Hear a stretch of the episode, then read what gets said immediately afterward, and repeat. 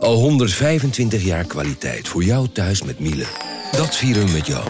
Ontvang nu tijdelijk een cashback tot 125 euro op veel Miele-apparatuur. Geniet van de kwaliteit van Miele. Voor perfect verzorgd wasgoed en kleding die veel langer mooi blijft. Voor een stralend schone vaat, even perfect als jouw diners. En een stofvrij thuis waarin echt hygiënisch schoon de standaard is. Check miele.nl voor alle feestelijke aanbiedingen. Vanaf de redactie van NRC het verhaal van vandaag. Mijn naam is Thomas Ruip.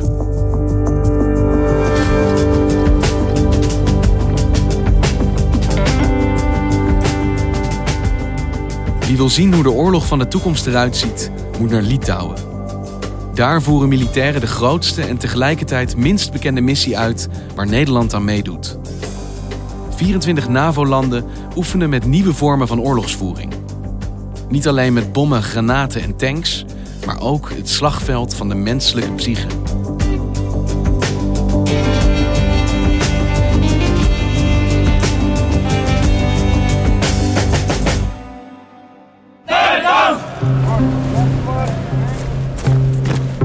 We waren in de bossen van uh, Pabrade, een klein plaatsje in Litouwen. En wij werden eigenlijk in grote uh, terreinwagens geladen. Floor Boon is defensieredacteur en verdiepte zich samen met collega Karel Berghout in de toekomst van oorlogvoering. Defensie organiseerde een persreis naar Litouwen. En voordat we het door hebben begonnen, scheurden we naar een, een soort nepdorp. Little Vilnius noemden ze dat. Kleine bakstenen, grijze bakstenen huisjes. En daar sprongen al die militairen uit de auto. En die begonnen echt als een gek met elkaar te overleggen van hoe gaan we dat huis in en hoe gaan we dat doen. En achter ons eh, stond een andere soort terreinwagen en die had een boordwapen. En die vuurde aanhoudend kogels. Alleen geen echte kogels, maar lege hulzen. Het is echt zoals je het in een film voorstelt.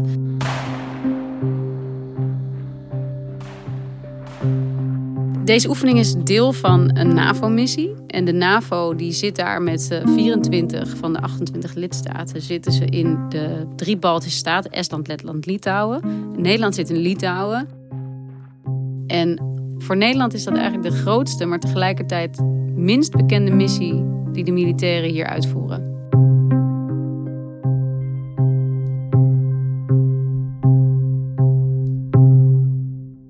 Om even bij het begin te beginnen, waarom is er op dit moment een NAVO-missie in Litouwen? In 2014 bezette Rusland de Krim. Nadat ze gisteren de Krim officieel aan hun grondgebied toevoegden, werd vandaag het hoofdkwartier bezet van de Oekraïense marine. Zeker elf Russische legerhelikopters. Volgens Oekraïense grenswachten zijn ze vanuit Rusland Oekraïne binnengevlogen. En het was voor het eerst sinds heel lang dat er in Europa uh, opnieuw uh, de grenzen werden hertekend. Een echte klassieke annexatie. Een klassieke annexatie die later wel eens bezegeld met een referendum. Maar dat maakt de Europese Unie, maar met name de voormalige Sovjetlanden, um, maar al te bang voor dat er ook zoiets in hun landen zou kunnen gebeuren. En dat is eigenlijk de reden dat de NAVO daar is gaan zitten. En nog steeds zit. Ik ben de overste Mark Veugen. Ik ben de deputy commander van de EVP Bettergroep. We zijn eigenlijk een vooruitgeschoven eenheid vanuit NATO in Litouwen. En we geven steun aan de Baltische Staten. En wat is de, jullie hoofdtaak hier? Hoofdtaak is eigenlijk reassurance en deterrence. Ze zijn daar om twee hele belangrijke redenen. Namelijk geruststelling van de mensen daar en de bevolking daar. Van hé, hey, wij verdedigen ons Europese grondgebied. En twee, het is een afschrikking. Dus om uh, ja, gewoon veel militaire eenheden te hebben op de, op de grens van Europa. Wij zijn hier en waag het niet om hier iets vergelijkbaars te doen als dat er in Oekraïne is gebeurd. Met de Krim bijvoorbeeld.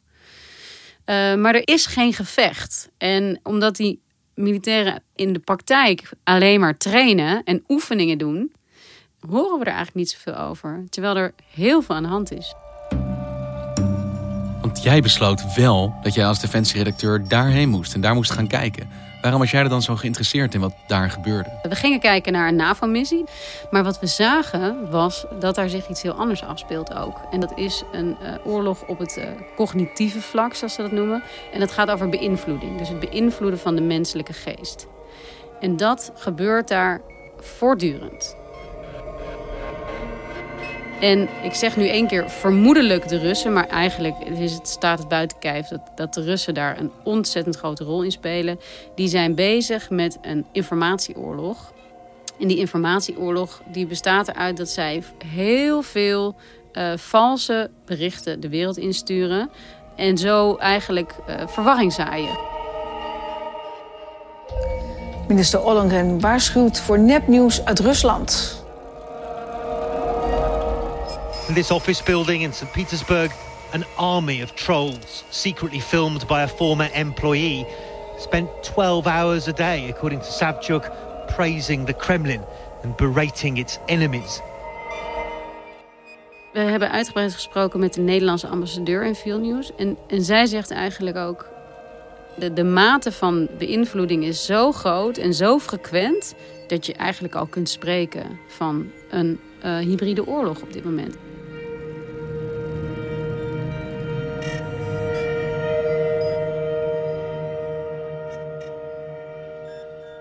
En op welke manier merken de Litouwers dat? Wat zie je in Litouwen waardoor jij denkt, of waardoor de NAVO-missie denkt, eigenlijk is hier gewoon al sprake van een oorlog? Vlak voordat wij er waren, was er een, een, bericht uitgegaan van een geshopte foto van een Duitse tank met een heel zichtbare Duitse vlag op een Joodse begraafplaats. In Litouwen? In Litouwen. En waarom een ja, je, je moet bedenken dat uh, het, het oorlogsverleden van de Litouwers... dat is uh, heel pijnlijk en dat is eigenlijk helemaal niet verwerkt. Uh, er is best wel een duister verleden... waarbij heel veel Litouwers betrokken zijn geweest... of in ieder geval collaboreerd hebben met de Duitsers. Dus in dit geval komt er een bericht uit. Nou, het werd al heel vroegtijdig gesignaleerd als nep. Maar zoals we allemaal weten met sociale media en internet... zijn bepaalde dingen je kunt het wel signaleren als nep, maar het doet zijn werk. Dus zo'n bericht bereikt ook een Joodse gemeenschap in Israël. Het bereikt ook een Joodse gemeenschap in de VS. En mensen daar gaan daar ook schande van spreken. Dus die, die bevestigen eigenlijk zo'n bericht door het te retweeten, door het nog een keer te delen op Facebook en te zeggen: wat een schande dat er een, een Duitse tank durft zich te vertonen op de Joodse begraafplaats. Dus er wordt heel gericht ook op zo'n gevoelige plek gedrukt. Er wordt geïdentificeerd in Litouwen. Daar moet je ze pakken op het mogelijke collaboreren of het natieverleden.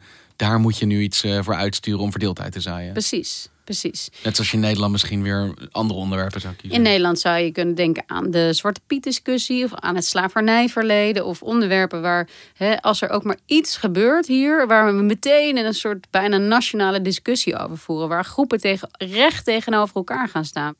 En dit is dan iets heel specifieks Litouws. Het gebeurt ook bij de NAVO. Er stonden berichten in de media wat gewoon eigenlijk onwenselijk voor ons was. In, in die trant dat zeg maar, we ze echt NATO in een verkeerd daglicht wilden zetten. En uh, er werd iets geschetst wat niet gebeurd was.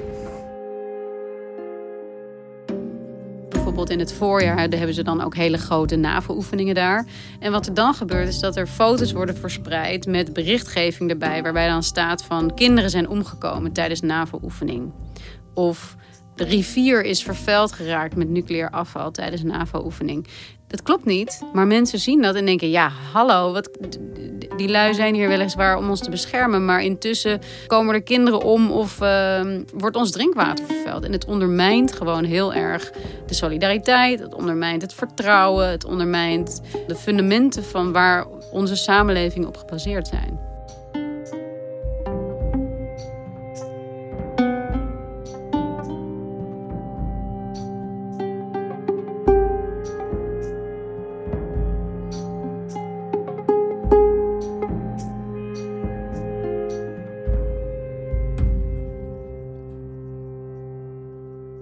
Nederlandse militairen daar, die met 250 zijn afgereisd naar Litouwen, eigenlijk om toch de klassieke oorlogsvoering te oefenen. Zoals we hoorden met rookgranaten gooien, uh, met, met tanks rijden.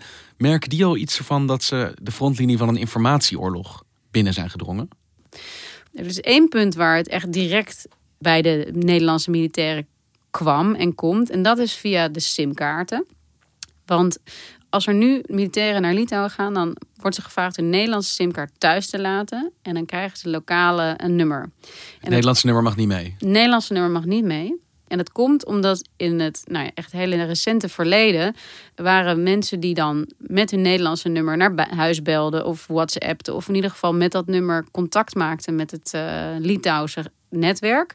Ehm, die werden gehackt. Dat is ook de reden waarom wij bijvoorbeeld in uh, een Nederlandse telefoonkaarten niet meenemen. dat we gewoon eigenlijk via wij dat gebruik maken van een wifi-netwerk ja, om wel contact te hebben met thuis. Of die werden, uh, kregen daarna hun thuisnummers. Het thuisfront kreeg vervolgens intimiderende telefoontjes van de Russen. De telefoon gaat en een onbekende man met een Russisch accent vraagt... of je man niet beter kan vertrekken uit de Baltische Staten. Dat overkwam partners van Nederlandse jachtvliegers... die actief waren bij de bewaking van het Baltische luchtruim. Telegraaf die schrijft daar vanochtend over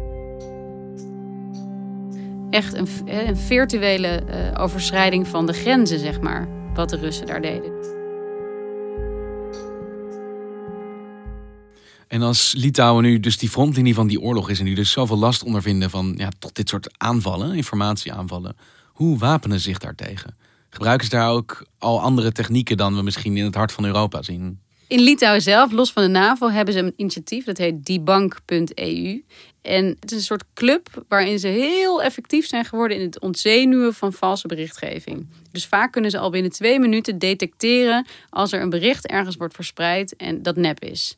En dat gaan ze dan proberen zo effectief mogelijk te stoppen of erbij te vermelden dat het nep is. Uh, maar Litouwen heeft ook een ongelooflijk groot vrijwilligers, vrijwilligersclubs.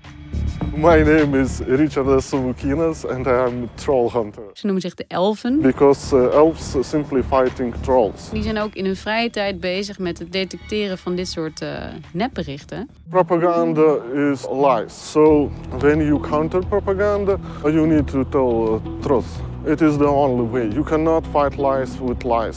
So you cannot fight propaganda with propaganda. En in Nederland zelf, wat gebeurt daar? Hoe bereiden wij ons voor op die oorlog waar we dus volgens de ambassadeur in Litouwen al lang en breed in zitten? Ja, dat is echt heel interessant. Want als je gaat praten met wat er gebeurt op dit vlak bij Defensie zelf en bij de Nederlandse Defensie, dan blijkt dat er dus, en dat is ook helemaal niet zo gek, natuurlijk ontzettend over wordt nagedacht. De vijand gebruikt deze technieken, moeten wij ze dan ook gebruiken? Als de ander een tank gebruikt, maar jij kan geen tank gebruiken, hoe kan je dan winnen? Als de ander dit soort technieken gebruikt, maar jij gaat ze niet gebruiken, kun je dan nog wel winnen? Zijn er andere, eerlijke, transparante methodes tegenover te stellen? Of ben je hier wel op aangewezen? Uh, en het zijn hele ethische kwesties en ongelooflijk moeilijke vragen van... mag Nederland bijvoorbeeld, als je het hebt over Afghanistan een deepfake video maken. Waarvan we inmiddels weten dat ze niet van het echte onderscheiden zijn. Waarop een uh, Taliban-officier een bepaalde boodschap uitspreekt. En die vervolgens verspreiden in een Facebookgroep waar Nederland dan is ingehackt. Waar, waarvan ze weten dat er allerlei aanhangers van de Taliban zitten. Zodat je een bepaalde boodschap kunt verspreiden. Of zodat je mensen kunt misleiden. Uh, mag dat?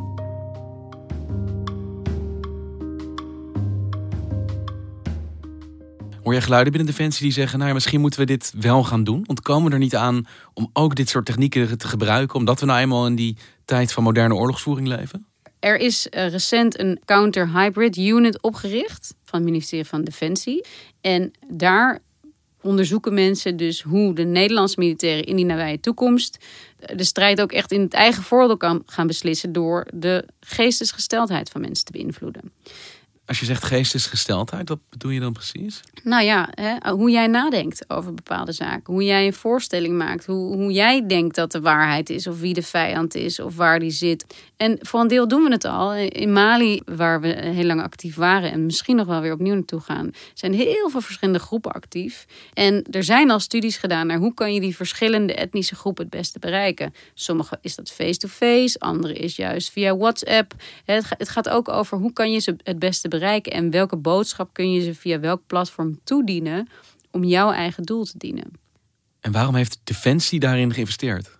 Ja, omdat dit is oorlogsvoering. Als jij bepaalde groepen naar je hand kunt zetten, kan zorgen dat zij gaan, zich gaan gedragen zoals dat jij wil, dan kan je ze misschien makkelijker uitschakelen. Of zorgen dat ze jou niet kunnen aanvallen.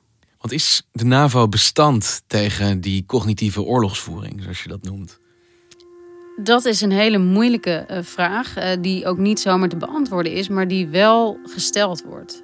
Uh, er was op de persreis van Defensie ook een, uh, een brigadegeneraal mee, Nico Tak. Hij zei: Stel je nou voor dat die ondermijning van de NAVO doorgaat in netberichtgeving. En steeds meer mensen gaan toch een beetje hun twijfels krijgen bij de intenties van de NAVO. Of bij of ze het nou echt wel zo goed voor hebben met de lokale bevolking. Stel je nou voor, Rusland wacht het moment af tot we daar zwak zijn. En gaat dan de grens over. Kort. Al is het maar kort.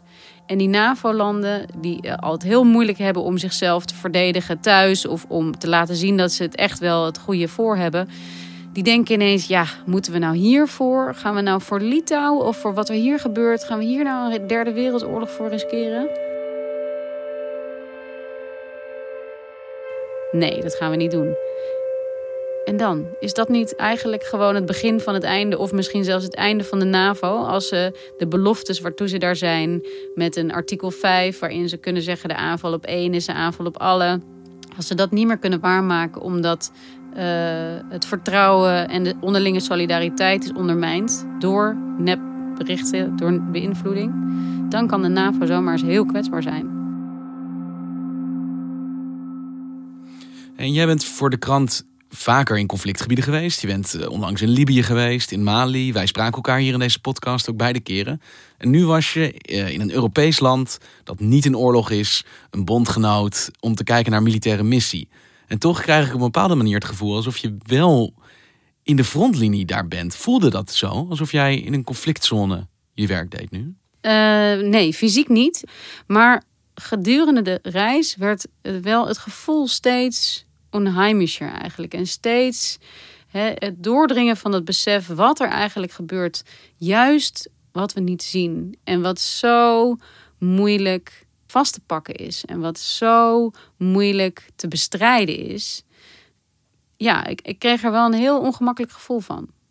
En ik vertelde over de Nederlandse militairen die geen eigen simkaarten mee mochten nemen. Uh, Tijdens de reis werd ons ook aangeboden om een lokale simkaart te gebruiken in plaats van onze eigen Nederlandse simkaart. Ik had hem al een tijdje aan, al een paar uur, maar toch dacht ik dat lijkt me wel een goed idee, want ik word liever niet gehackt. Dus in de bus ergens heb ik een, mijn Nederlandse simkaart uitgehaald en een Litouwse sim erin gedaan. Uh, niet meer over nagedacht. We kwamen terug op Schiphol en ik uh, doe mijn Nederlandse simkaart er weer in. En nog geen twee uur nadat we geland zijn, word ik ineens gebeld op mijn Nederlandse nummer door een onbekend nummer uit Oeganda. Ik nam op en ik hoorde alleen maar gekraak en ik hing weer snel op. En of het nou echt iets was wat te maken had met mijn reis uit Litouwen of niet, dat weet ik niet. Maar het feit dat dit zo kort gebeurde nadat ik terug was, dat gaf wel een heel ongemakkelijk gevoel. Dankjewel, Floor. Graag gedaan, Thomas. Je luisterde naar vandaag, een podcast van NRC. Eén verhaal, elke dag. Dit was vandaag, morgen weer.